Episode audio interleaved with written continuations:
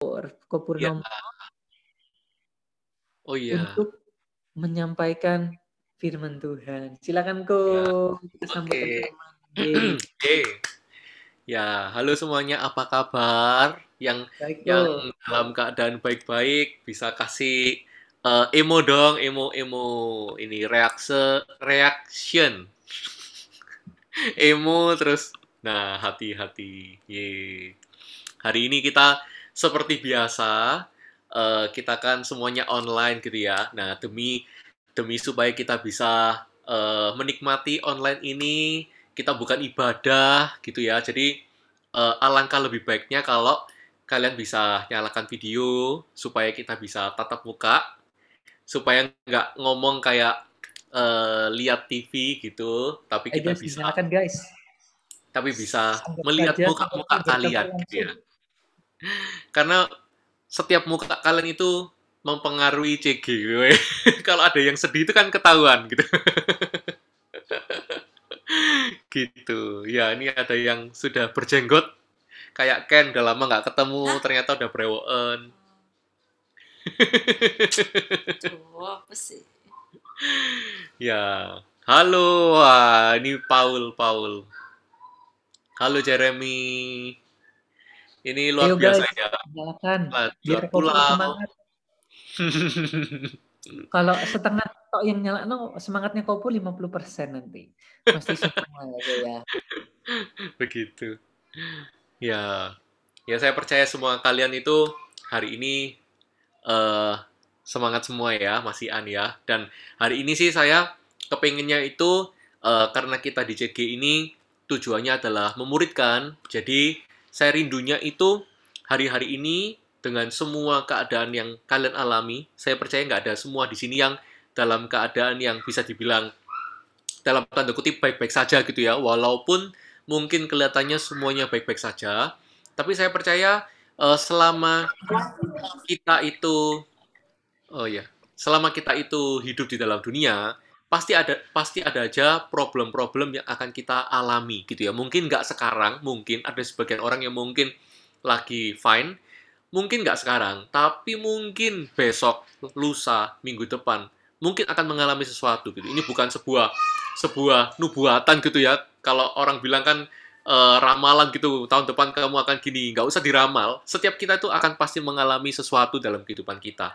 Tujuannya itu bukan untuk eh, apa ya, bukan untuk eh, membuat kita itu tersesat. Ya tujuan iblis itu tujuan iblis itu adalah membunuh, men- mencuri, membunuh dan membinasakan gitu ya. Itu tujuan utamanya iblis. Tapi saya percaya setiap kalian yang di sini yang semuanya dimuridkan, yang percaya sama Tuhan Yesus, kita orang-orang percaya, percayalah bahwa kita itu diluputkan gitu ya. Walaupun memang di dalam perjalanannya, di dalam kehidupan kita itu pasti akan banyak tantangan, tapi percayalah bahwa apa pun tantangan yang kita alami itu adalah untuk membuktikan bahwa Tuhan itu memegang kendali, memegang kontrol di dalam setiap musim kehidupan kita. Amin.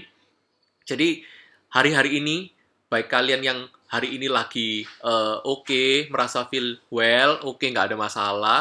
Baik kalian juga yang hari-hari ini ngalami lagi down, lagi mengalami banyak sekali pencobaan, banyak sekali masalah.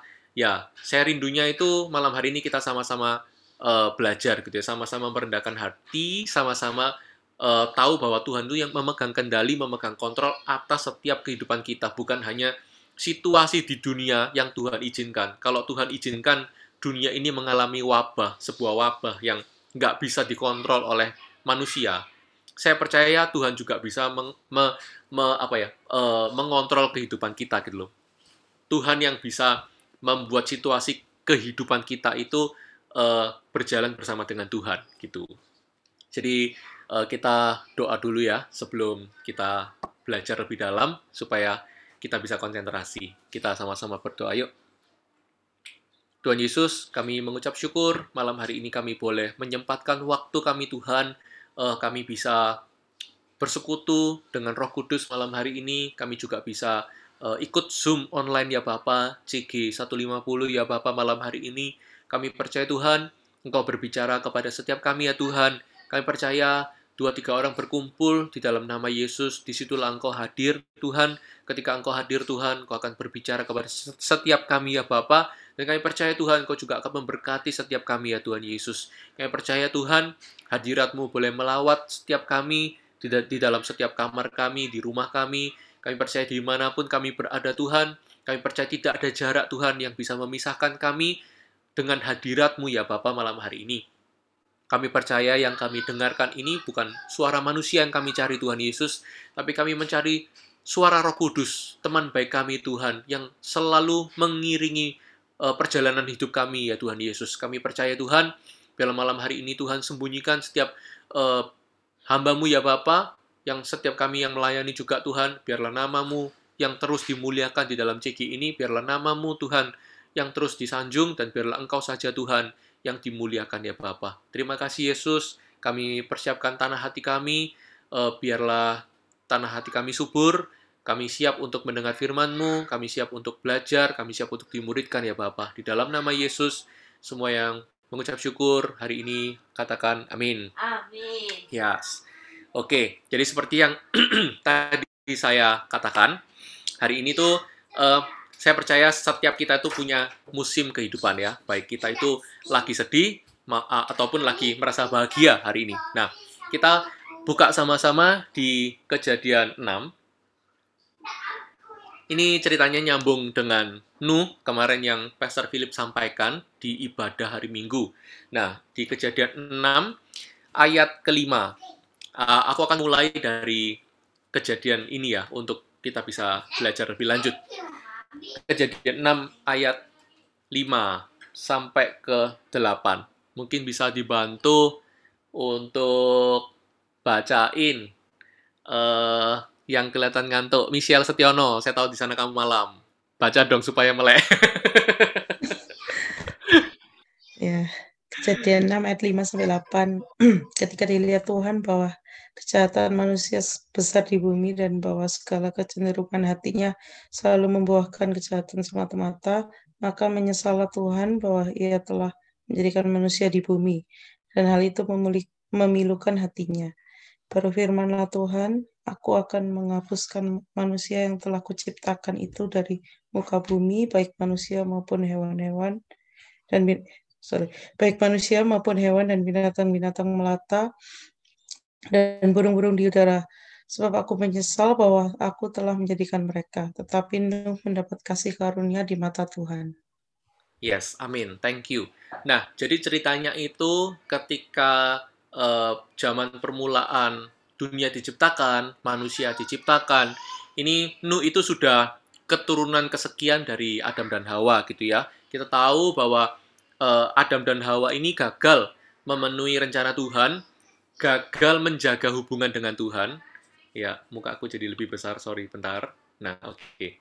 Uh, eh, jadi uh, ketika ketika uh, Adam dan Hawa itu gagal menjaga hubungan dengan Tuhan, dia jatuh ke dalam sebuah dosa, maka hubungan dengan Tuhan itu semenjak Adam dan Hawa itu mulai uh, ada keretakan gitu ya antara antara Tuhan dengan manusia. Jadi makin lama uh, manusia jauh dari hadirat Tuhan, makin lama manusia itu uh,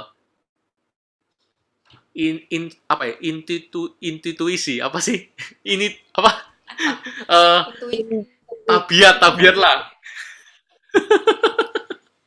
tabiatnya itu adalah selalu uh, selalu melakukan apa yang jahat gitu loh. Jadi manusia ini ketika kita itu jauh dari hadirat Tuhan selalu akan melakukan apa yang jahat, akan selalu uh, salah, salah waktu, salah tempat, salah salah uh, perilaku, salah teman, salah pergaulan, salah komunitas.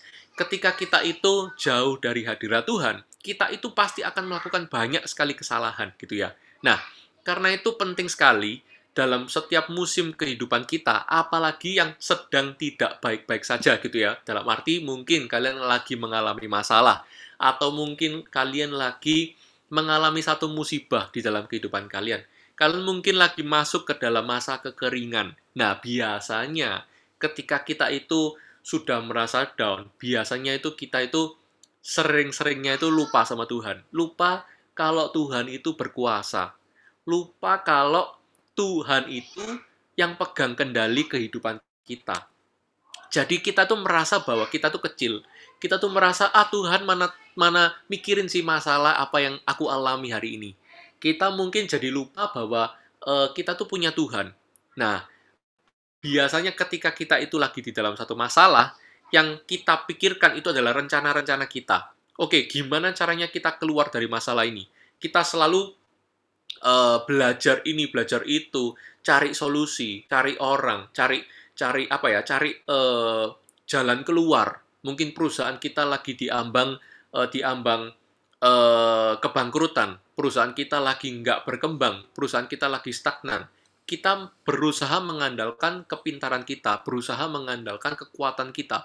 Jadi kita belajar segala macam marketing, kita belajar segala macam uh, apa ilmu-ilmu untuk untuk mengembangkan perusahaan kita, tapi hasil-hasilnya selalu salah waktu, salah investasi, salah salah uh, salah tempat, salah salah keputusan gitu ya. Banyak hal-hal yang yang uh, selalu selalu hasil akhirnya itu selalu tidak menguntungkan pada akhirnya gitu loh. Jadi penting sekali bagi setiap kita untuk kita tuh tahu bahwa ketika kita masuk ke dalam masa kekeringan di dalam kehidupan kita, kita jangan pernah tinggalkan apa yang namanya komunitas.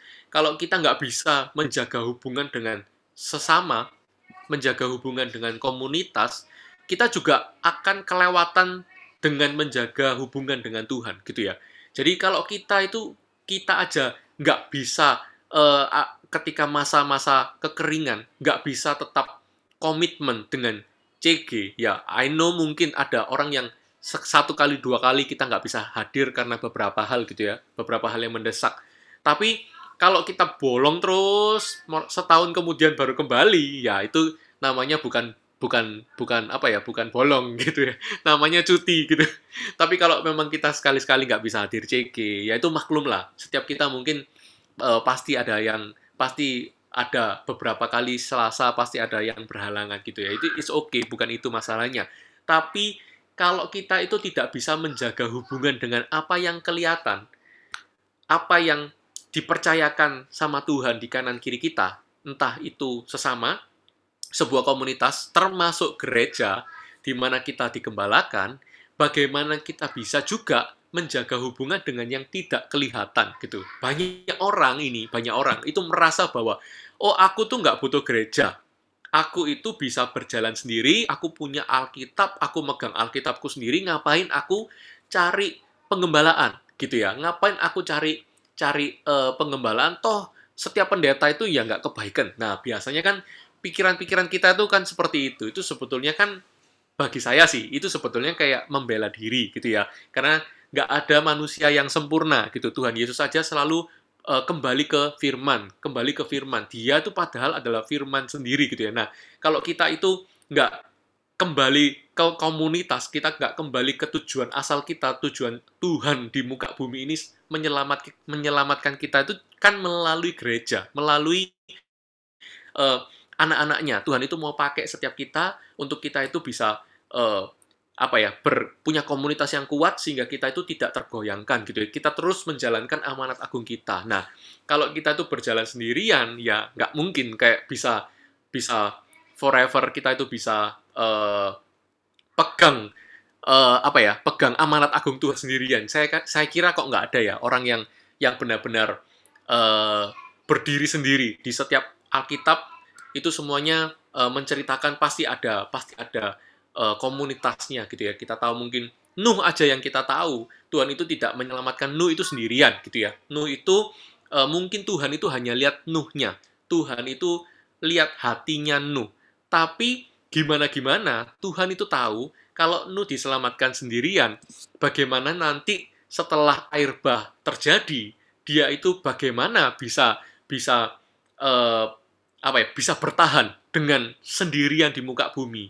Kan nggak mungkin juga gitu ya pasti dia Tuhan itu min, uh, menyelamatkan juga anak-anaknya beserta istri-istrinya gitu. Jadi ada uh, tiga anaknya kemudian juga istrinya juga dibawa eh, anak-anak istrinya juga dibawa gitu ya. Jadi semuanya itu juga komunitas kecil pertama setelah setelah air bah itu semua eh, manusia tuh hangus di muka bumi, dilenyapkan, ya tersisa Nuh dan keluarga kecilnya. Jadi penting sekali kita itu melekat pada sebuah komunitas gitu loh. Nah, saya per Oh ya, saya percaya malam hari ini kita punya komunitas yang kuat.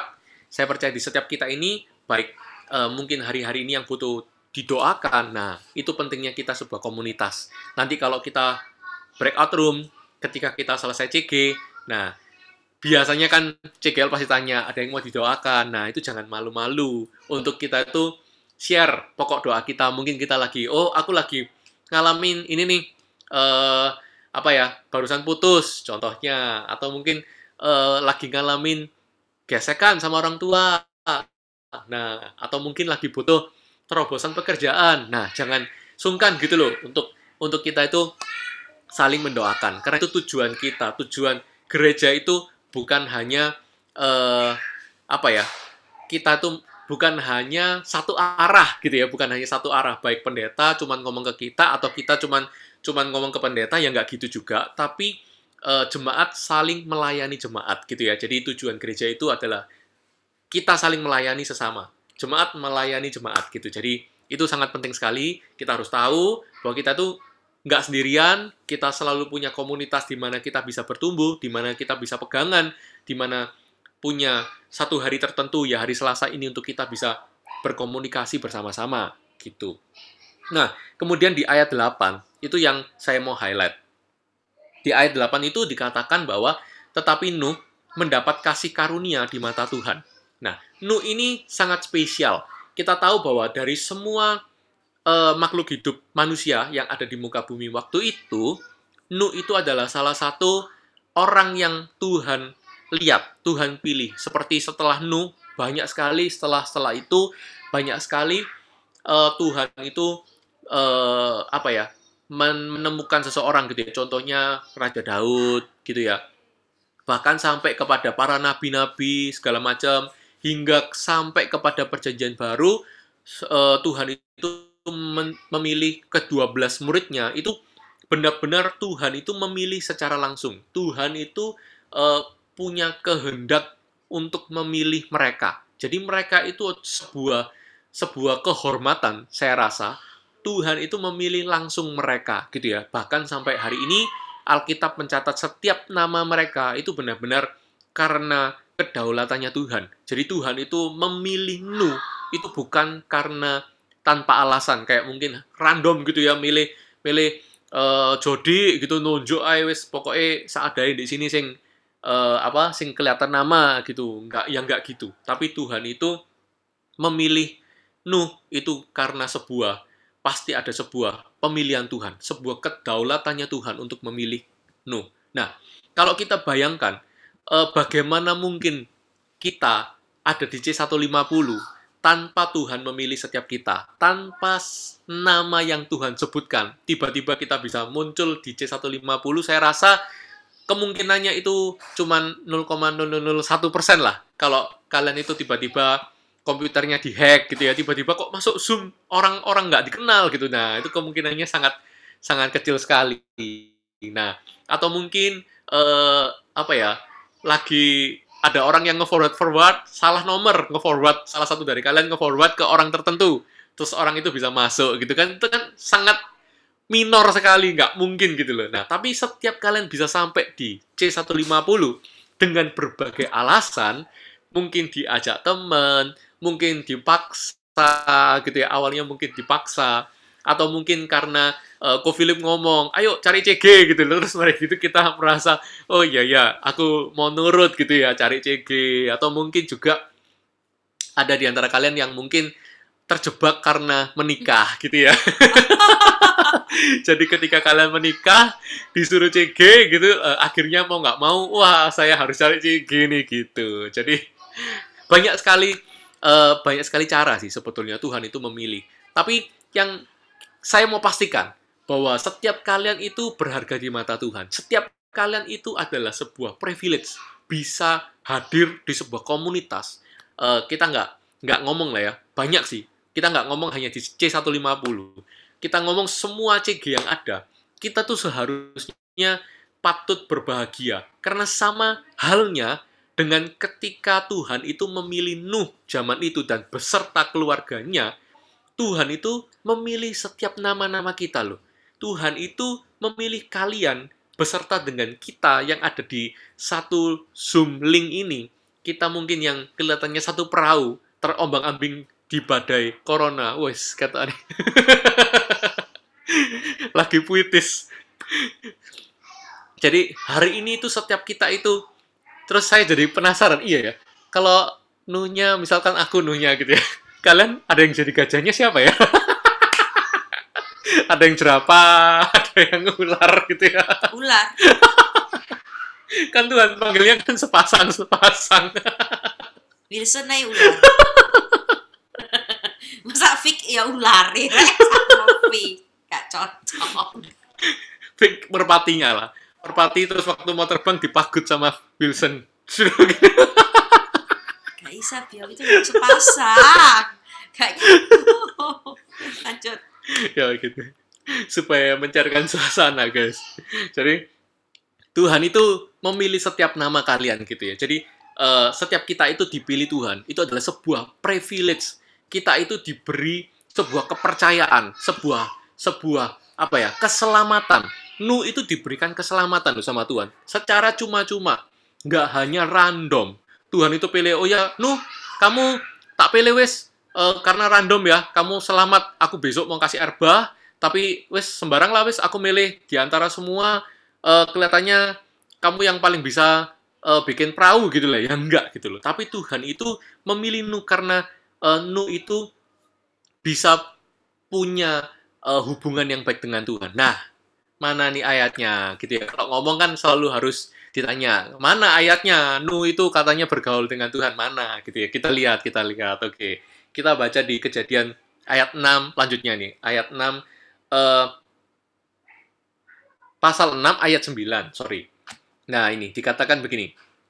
Inilah riwayat Nuh Nuh adalah seorang yang benar dan tidak bercela di antara orang-orang sejamannya. Dan Nuh itu hidup bergaul dengan Allah. Nah, di sini ayatnya guys. Jadi ini penting sekali. Eh, Nuh itu adalah seorang yang benar. Kita tahu bahwa ada sebuah lagu eh, liriknya doa orang benar bila didoakan dengan yakin besar kuasanya dan tiap doa yang lahir dari iman. Gitulah ya. Pokoknya begitu. Nah setiap doa itu kuasanya itu besar kalau yang doa itu orang benar gitu ya. Jadi kita ini punya status dibenarkan. Amin.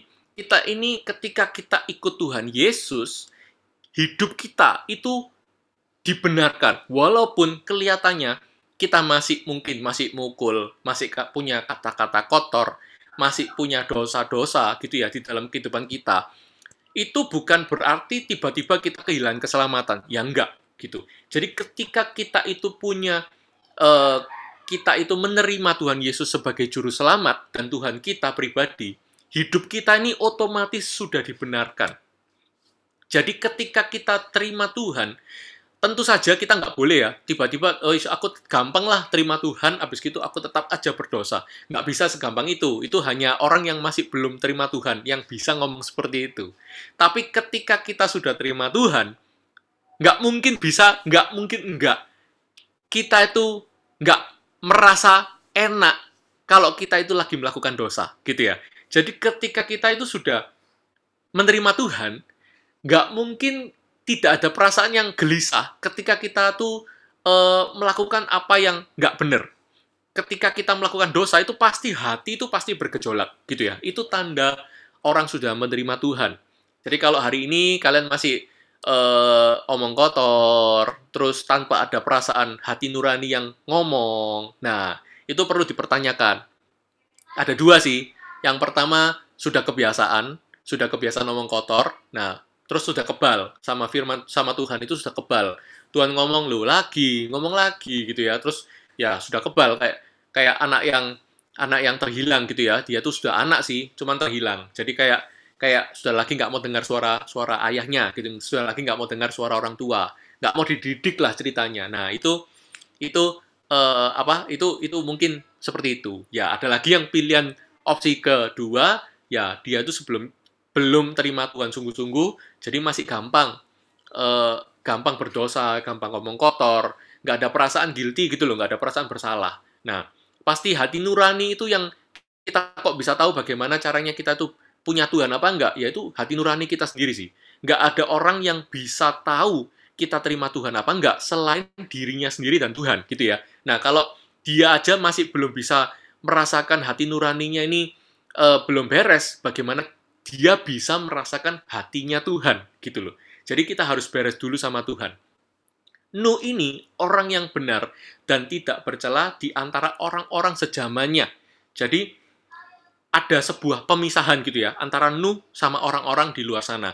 Orang-orang di luar sana sukanya gosip, sukanya berbuat apa yang jahat, semua apa yang apa yang berdosa, tapi Nuh ini eh, punya apa ya? Punya eh, rasanya punya batasan gitu ya. Dia tuh dia tuh beda sama orang-orang sejamannya. Dan Nuh itu hidup bergaul dengan Allah. Jadi ini penting sekali ketika kita bisa hidup bergaul dengan Allah, maka Tuhan itu nggak sembarangan milik kita gitu, nggak sembarangan tiba-tiba kalian tuh ada di sini. Pasti satu talenta yang Tuhan percayakan kepada setiap kita yang eh, lahir baru. Setiap kita itu kan kayak Pastor Philip selalu bilang gitu ya, setiap kita yang lahir baru terima Tuhan Yesus, itu pasti akan diberikan minimal satu talenta gitu ya. Nggak mungkin, nggak mungkin nggak dikasih talenta. Minimal itu satu. Apa sih satu talenta itu? Yaitu hubungan dengan roh kudus. Dari satu itu, ketika kita bisa bangun hubungan dengan roh kudus, dari satu talenta akan bertambah jadi dua talenta. Dulunya nggak bisa ngomong, dulunya nggak bisa eh, sharing. Kalau sharing, disuruh sharing, malu gitu ya. Nah, dari satu talenta, tiba-tiba ketika kita bergaul, hidup bergaul dengan roh kudus, tiba-tiba bisa bermain musik, melayani Tuhan. Tiba-tiba, ya nggak tiba-tiba sih, tapi ada sebuah kerinduan. Aku kepengen belajar gitar supaya bisa ngelayani di CG. Nah, itu salah satu kerinduan yang muncul. Eh, tiba-tiba eh, kepengen apa ya? Kepengen belajar Alkitab. Tiba-tiba kok aku punya kerinduan untuk pendalami Alkitab ya. Aku pengen belajar Alkitab, pengen bisa eh, memperdalam Alkitab, pengen bisa membahas Alkitab supaya aku bisa hidup menjadi berkat buat orang-orang lain yang dengerin aku ketika aku sharing gitu loh. Jadi kayak punya satu hasrat yang tiba-tiba muncul di dalam hati kita untuk kita itu bisa mulai memikirkan orang lain. Apa yang bisa saya lakukan untuk kebaikan orang lain? Nah, itu loh salah satu sebuah privilege, salah satu sebuah eh, kepercayaan yang Tuhan berikan kepada setiap kita di C150. Jadi malam hari ini ayo jangan kita tuh keras hati seperti tadi yang opsi nomor satu gitu ya kita sengaja ngerasin hati kita eh, kamu nggak mau ta sharing gitu ya terus kita sengaja kayak tahu itu jalannya Tuhan tahu itu kehendaknya Tuhan tapi kita yang membiasakan diri untuk nggak sharing gitu ya membiasakan diri untuk kebal dengan suara firman. Kebal dengan suara roh kudus. Nah mungkin eh, ada yang ayo baca Alkitab sudah bolong loh satu minggu. Udah udah lanjut terus kayak eh, bolongnya dari satu minggu jadi satu bulan nggak kerasa gitu ya. Ya itu sudah mulai kebal gitu loh dengan suara eh, centilan-centilan di dalam hati kita. Nah karena itu kita perlu bersyukur gitu ya. Malam hari ini kita masih ada di sini. Malam hari ini dengan segala keterbatasan kita dengan se- segala eh, kelemahan kita dengan segala masalah kita tapi kita masih belajar untuk setia mengikut Tuhan saya percaya setiap kita itu nggak ada yang kebetulan. Pasti Tuhan itu punya rencana dalam kehidupan kita. Amin. Terus kita buka yuk sama-sama di Yohanes 14.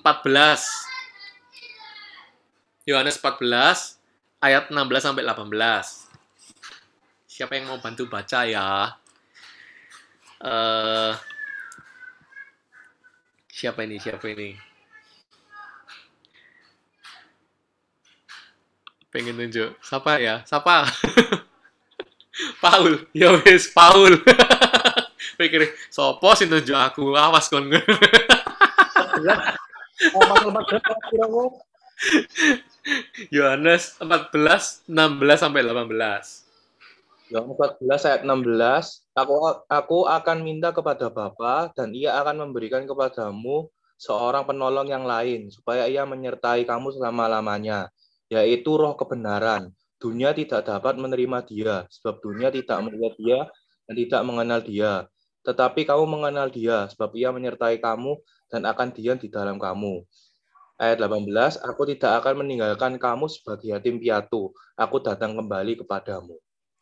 Amin.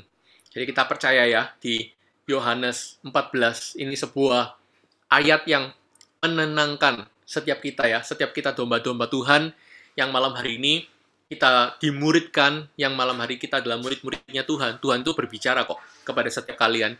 Nggak peduli mau dari situasi kehidupan, mau Tuhan itu berbicara keras gitu ya, dari dari eh, tabrakan gitu, mungkin bukan tabrakan mobil. Maksudnya tabrakan tuh sesuatu yang kayak tiba-tiba kayak terjadi dalam kehidupan kita gitu. ya. Percaya itu bukan sebuah kebetulan. Pasti Tuhan tuh mau berbicara kepada kita. Mungkin kita yang sudah kebal tutup telinga, sehingga Tuhan itu harus berbicara melalui situasi kondisi gitu ya. Jadi Tuhan itu bisa berbicara dari banyak hal, baik dari mimpi, baik dari suara-suara eh, pendeta, baik dari Alkitab, baik dari radio, baik dari lagu, baik dari eh, CG, baik dari gereja, baik dari YouTube. Tiba-tiba buka, kok ada kesaksian ya? Apa diklik gitu ya? Terus kok tiba-tiba ada yang bagus ya diklik gitu ya? Atau mungkin tiba-tiba dapat iklan, kesaksian apa gitu. Nah, Tuhan itu bisa memakai apa pun untuk berbicara dengan kita. Itu jadi sering kali mungkin apa yang kalian anggap kebetulan itu sebetulnya bukan sebuah kebetulan, tapi sebuah eh, sebuah eh, tanda sebetulnya bahwa Tuhan itu mau berbicara kepada kita. Nah, tergantung kita nih nganggap itu sebagai hanya sebuah kebetulan atau menganggap itu hanya sebagai eh, apa ya eh, yang lalu kayak ya sudah lah, berlalu gitu ya kayak kayak apa apa nggak mau denger. Nah itu kembali lagi ke sikap hati kita. Jadi malam hari ini kita bener-bener hati ini kayak diketok gitu ya. Ayo Tuhan itu mau berbicara loh Tuhan itu mau berbicara.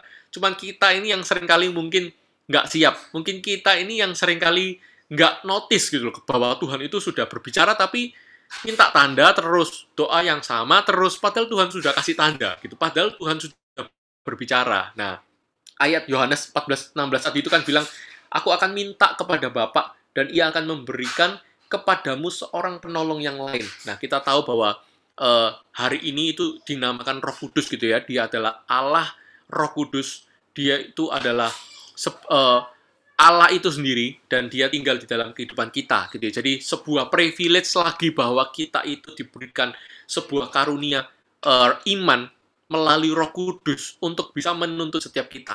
Di malam hari ini eh, yang belum terima bahasa roh itu nggak usah bingung gitu ya karena kalian terima bahasa roh nggak terima bahasa roh tetap kalian itu punya roh kudus kok di dalam kehidupan kalian cuman ada orang yang diberikan eh, apa ya kepenuhan. Diberikan kepenuhan dengan tanda berbahasa roh. Nah bukan berarti yang satunya nggak penuh. Nggak. Kalian sama-sama punya roh kudus. Cuman eh, apa ya perlu waktu untuk kalian itu benar-benar bisa menghidupi gitu loh roh hubungan roh kudus dengan kalian. Ketika kalian itu punya persekutuan yang intim dengan Tuhan saya percaya kalian itu pasti akan penuh kok. Kalian cuman perlu waktu untuk kalian itu bisa eh, bertumbuh membangun hubungan yang lebih di dalam Tuhan pasti ketika kalian membangun hubungan nggak usah minta pun kalian akan penuh kok dengan Roh Kudus. Karena karena itu bagi kalian yang masih belum eh, penuh dengan bahasa eh, bahasa Roh Kudus ya karunia eh, sorry belum kepenuhan dengan bahasa Roh nah kalian perlu eh, membangun hubungan yang lebih dekat jadi nggak perlu cari-cari eh, kapan nih Ko Philip doain lagi kapan nih Ko Philip doain lagi nggak perlu cari seperti itu nggak perlu cari juga penumpangan tangan itu hanyalah sebuah eh, bonus kalau kalau dikasih kesempatan itu bonus tapi kalau enggak kalian itu bisa kok terima bahasa roh kudus sendiri gitu ya. Saya terima bahasa roh itu, nggak tahu nih saya pernah cerita apa enggak, saat doa sebelum tidur gitu ya. Jadi kalau kalian tahu doa sebelum tidur Tuhan terima kasih selamat malam mau tidur kayak gitu loh bisa kepenuhan Roh Kudus gitu ya. Apalagi yang orang yang benar-benar minta dengan sungguh-sungguh. Bukannya saya nggak minta ya saya minta. Tapi waktu yang Tuhan berikan itu adalah ketika doa mau tidur. Jadi benar-benar cuman doa yang sebetulnya cuman satu dua menit itu Tuhan tiba-tiba berikan saya kepenuhan Roh Kudus. Dan waktu itu saya masih juga belum uh, beragama Kristen gitu ya. Masih masih uh, masih masih dulu saya belum belum Kristen gitu lah. Tahu lah gitu ya.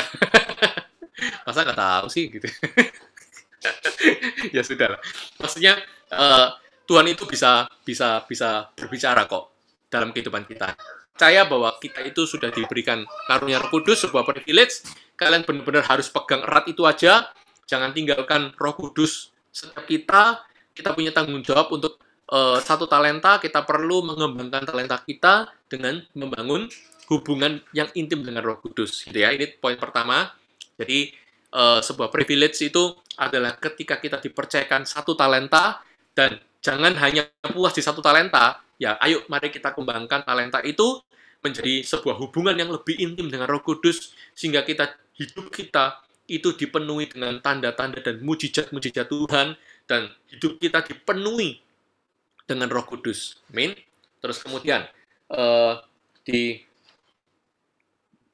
di Roma 8 ayat 26. Ini yang yang yang yang mau siapa ya belum Hendy mungkin Hendy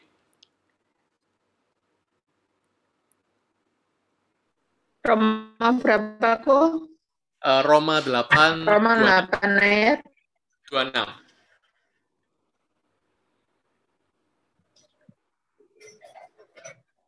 Tak wakilkan Hendy lagi cuci piring. oh iya ya.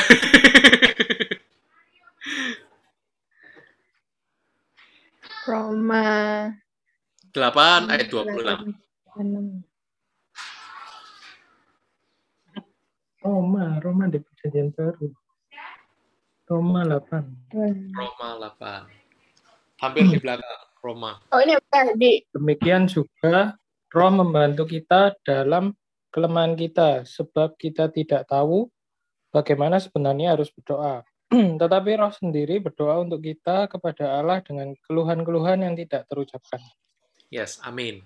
Jadi di uh, poin kedua ini dikatakan bahwa demikian juga roh, roh kudus itu membantu kita di dalam setiap kelemahan kita, gitu ya. Jadi uh, tadi saya bilang mungkin kita nggak pernah tahu uh, setiap kalian ini mungkin lagi masuk di musim apa. Mungkin ada orang tertentu yang lagi masuk di musim kekeringan, ada orang yang mungkin lagi masuk di dalam musim hujan. Tapi percayalah bahwa uh, setiap musim itu Tuhan itu beserta kok. Di kejadian 8 ayat 22 ini ayat tambahan sih uh, kejadian 8 ayat 22 saya bacakan aja kalau usah dibuka uh, selama bumi masih ada tak akan berhenti-henti musim menabur dan menuai dingin dan panas kemarau dan hujan siang dan malam gitu ya itu kejadian 8 ayat 22 jadi Tuhan itu bilang selama bumi ini masih ada itu tidak akan berhenti-henti musim menabur menuai dingin panas kemarau hujan siang dan malam. Apa sih maksudnya? Tuhan itu uh, sudah tahu kok dari awal. Dari permulaan kejadian kitab kejadian, Tuhan itu sudah uh, sudah tahu bahwa sampai bumi itu nanti pada pada akhirnya setiap kita itu pasti akan ada musim-musim di dalam kehidupan kita gitu ya. Dan Tuhan itu sudah menyertai bahkan dari dia kan alfa dan omega gitu ya dari kejadian sampai wahyu sudah selesai. Dia itu dari kejadian sudah berfirman dia itu akan menyertai kita sampai pada akhirnya gitu ya. Jadi setiap kita malam hari ini yang kita merasa mungkin sendirian ketika kita punya masalah itu kelihatannya pasti kayak seolah-olah kita tuh sendirian nah malam hari ini kita diteguhkan lagi bahwa kita tuh punya seorang teman seorang penolong bagi setiap kita, mungkin kita yang lemah gitu ya, kita itu punya penolong, seorang penolong, yaitu Roh Kudus. Ketika kita lagi ada di musim uh, menabur, ya Tuhan itu akan membantu kita untuk kita itu bisa menabur walaupun sambil menangis. Dan pada akhirnya nanti kita akan masuk ke dalam musim menuai gitu. Juga mungkin eh, musim panas dan musim dingin. Musim panas kita nggak butuh pakaian dingin, musim dingin kita nggak butuh pakaian panas. Selalu akan ada masa-masa di mana kita itu sedih, masa-masa di mana kita tuh lagi lagi bahagia gitu ya. Tapi kita tuh harus belajar untuk bisa balance gitu ya. Jadi eh, jangan jangan pernah kita tuh merasa seneng kesenengan, sedih terlalu sedih. Bagaimana kita bisa eh, bisa punya hati yang bisa eh, stable sama sama Tuhan, yaitu melalui Roh Kudus. Ketika kita berjalan bersama dengan Roh Kudus, maka kehidupan kita itu akan bisa eh, menikmati setiap musim. Ketika kita bahagia, kita akan menikmati sukacita. Ketika kita sedih, ya kita akan bisa melampiaskan kesedihan kita itu kepada Roh Kudus. Jadi benar-benar nggak ada sesuatu yang bisa kita tampung gitu ya. Ketika kita sedih, ya nggak terlalu sedih. Soalnya sesedih-sedih apa pun, kita selalu punya teman yang kita bisa ajak eh, apa ya? Bisa kita ajak untuk nangis gitu ya. Kita bisa berdoa, kita bisa melampiaskan kesedihan kita. Tapi ketika kita senang, kita juga punya sebuah sebuah komunitas di mana kita bisa share, "Hei, aku dapat mobil baru. Hei, aku dapat pacar baru." gitu ya. Jadi nggak harus melalui Insta Story kok, gitu. gitu. Nah, jadi akan ada musim juga eh, kemarau dan hujan gitu ya. Ketika kita musim kekeringan, ketika kita musim eh, kelimpahan, itu Tuhan itu akan selalu beserta dengan kita. Gitu. Nah, eh, ingat ceritanya Abraham, ketika Abraham itu eh, lagi di masa kekeringan, saya lupa nih ayatnya di mana. Cuman tiba-tiba diingetin tentang Abraham. Eh, ketika Musa, eh sorry Musa, ketika Abraham itu keluar dari tanah perjanjian, dia tuh nggak salah kan ke Mesir. Nah, ketika itu dunia itu lagi musim kering, musim wabah, di mana semua itu lagi lagi kekurangan pangan, krisis krisis ekonomi, krisis makanan. Tapi eh, Abraham itu ketika masuk ke sebuah kota, dia itu tahu bahwa istrinya cantik, tahu ya cerita itu ya. Terus dia tuh ngomong sama istrinya, eh nanti ya non ya, kalau kamu ditanyai sama kuku-kuku itu non, bilang kalau kamu itu ceceku ya, aku Adikku. adikku, oh ya adikku ya, gitu supaya aku tuh eh, nggak dibunuh gitu. Nah jadi eh, Noni E ini percaya percaya gitu. Ini sebas Mbak Sela. Soalnya manggilnya Koko ambe Noni. Nek orang lain gak ono sing manggil Koko Noni kok. Sebas Sela iki berarti.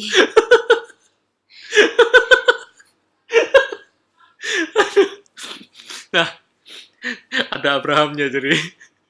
Nah, ketika itu tuh masa masa kekeringan, tapi Abraham itu eh, bisa kok aduh, sampai mana tadi?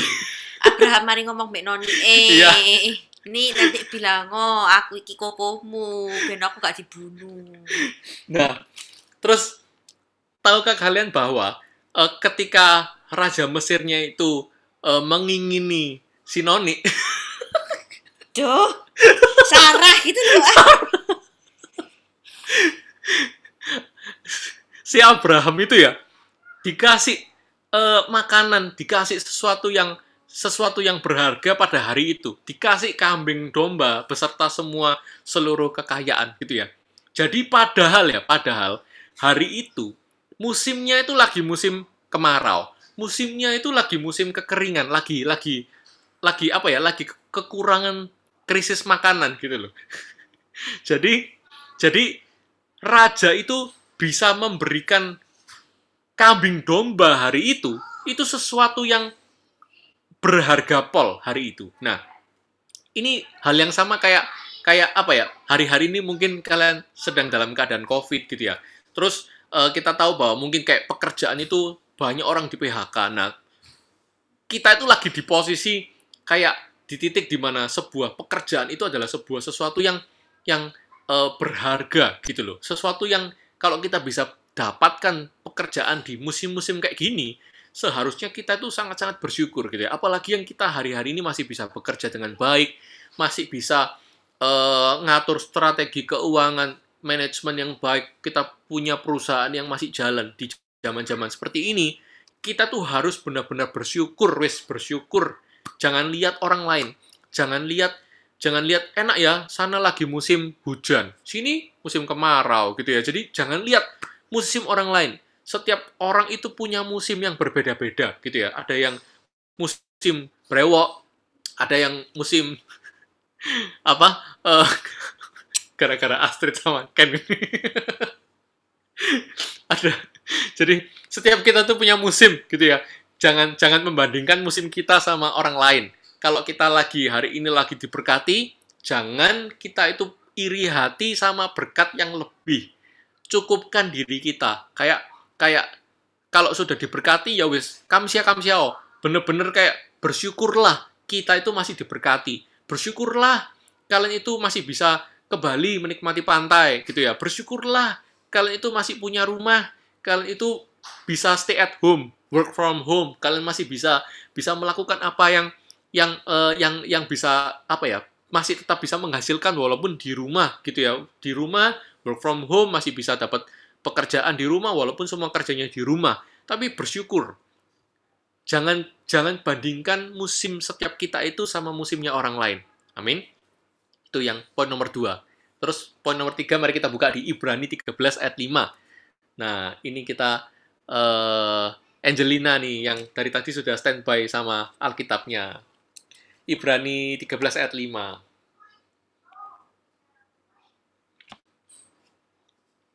Ibrani 13 ayat 5. Ibrani 13 ayat 5 ya, kok. Janganlah kamu menjadi hamba uang dan cukupkanlah dirimu dengan apa yang ada padamu. Karena Allah telah berfirman, aku sekali-kali tidak akan membiarkan engkau dan aku sekali-sekali tidak akan meninggalkan engkau. Amin. Amin. Ya, jadi poin saya ini nggak tahu kenapa eh, semuanya itu mm, apa ya? Kayak ngomongnya tuh tiga poin yang sama gitu ya. Kayak kayak rasanya Tuhan itu lagi eh, mau ngomong sama beberapa orang yang hari-hari ini sedang lagi ngalami sesuatu keretakan hubungan sama Tuhan gitu ya. Kayak bukan keretakan sih. Sebuah kayak merasa Tuhan itu jauh gitu loh. Kayak merasa Tuhan itu kayak eh, nggak care sama kita atau mungkin kita merasa bahwa kok Tuhan lagi tidak berpihak gitu ya. Lagi lagi situasi ti- tidak memihak itu disamakan dengan keberpihakannya Tuhan sama kita.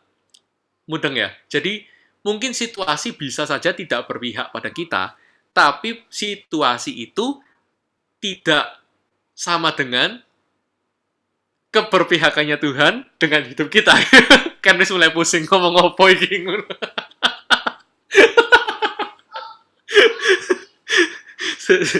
tak susun kata-kataku. Jadi, situasi yang kita alami mungkin lagi buruk. Tapi situasi yang buruk itu tidak mewakili Tuhan itu lagi marah sama kita gitu loh. Jadi, mungkin kita tuh lagi ngalami masalah, tapi bukan berarti Tuhan itu eh, lagi cari gara-gara sama kita. Bukan bukan berarti Tuhan itu lagi marah sama kita gitu loh. Bukan bukan itu tujuannya. Tapi Tuhan itu mau ngingetin kita melalui masalah yang kita alami. Itu tuh mau Tuhan itu mau menyatakan bahwa aku itu sedekat doa kok gitu loh. Tuhan itu hanya se- sedekat kata-kata kok sama kita. Nggak ada jarak yang memisahkan antara kita itu dengan Tuhan gitu ya. Dia hanya sejauh doa gitu loh. Jadi itu. Jadi kita itu hanya butuh masuk ke dalam hadirat Tuhan. Kita itu bisa membangun hubungan sama Tuhan. Dia kita itu bisa eh, dekat de- masuk ke dalam rumah utamanya Tuhan itu hanya masuk ke dalam hadiratnya Tuhan gitu loh. Itu kuncinya sih. Jadi em, yang malam hari ini lagi merasa sedih, lagi merasa galau, apa Tuhan itu eh, nggak sudah nggak nggak lihat aku ya, aku barusan melakukan dosa sih, barusan melakukan pelanggaran, baru baru baru, baru melakukan eh, kesalahan. Apakah Tuhan itu marahkah sama aku kok aku tuh dikasih masalah? Enggak, enggak gitu. Enggak gitu ceritanya gitu. Itu bukan cara Tuhan. Itu hanyalah sebuah iblis yang berusaha untuk eh, ngojok-ngojoki gitu ya, berusaha untuk memojokkan kita dengan merasa bahwa kita itu tertuduh, merasa kita itu dijauhi Tuhan, merasa Tuhan tuh punya maksud gitu ya dengan dengan masalah kita, enggak gitu. Tapi malam hari ini ayo kita sama-sama eh, kita anak-anaknya Tuhan, kita tuh eh, domba-dombanya Tuhan. Ingat firman Tuhan katakan bahwa eh, Tuhan itu adalah gembala kita dan setiap domba-dombaku itu mendengar suaranya. Jadi malam hari ini kalau kita dengar suara Tuhan, jangan keraskan hati kita. Percayalah bahwa Tuhan itu selalu menjadi gembala kita kok. Tuhan itu gembala yang agung, dia nggak akan pernah meninggalkan kita sek- sekalipun. Amin. Jadi nanti kita ketika di breakout room, kita bisa sharing, bisa cerita. Kalau ada yang kalian mau minta didoakan, kalian bisa nanti di breakout room, kalian bisa minta doa sama pemimpin kalian, sponsor kalian, leader kalian, sama CKL kalian, atau nanti sama kita juga kalau butuh didoakan. Nah, nanti mungkin di breakout room ini kita bisa saling mendoakan atau ada kebutuhan-kebutuhan eh, pokok doa yang eh, apa ya kayak mungkin Vinda nih mau melahirkan, terus mungkin Wilson Vick yang mau married, terus juga ada Jess sama eh, Brandon gitu ya yang mau married juga. Nah mungkin ada beberapa teman yang mungkin saya nggak tahu nggak nggak tahu masalah kalian. Nah kalian bisa sharing di breakout room, oke? Itu aja dari saya. Sekian, God bless you. Yeay, thank you Kopur, Cekosi. Sudah lama nggak dengar Kopur Seremen ini kangen sekali ya. Kangen gitu. Dari Tadi ketawa terus gitu. Tetapi berbobot gitu. Wah, puji Tuhan. Thank you Kopur. Nah, gimana teman-teman? Wah, ini teman-teman lagi mikir semua nih pasti banyak teguran ya buat saya gitu. Saya pun juga tertegur.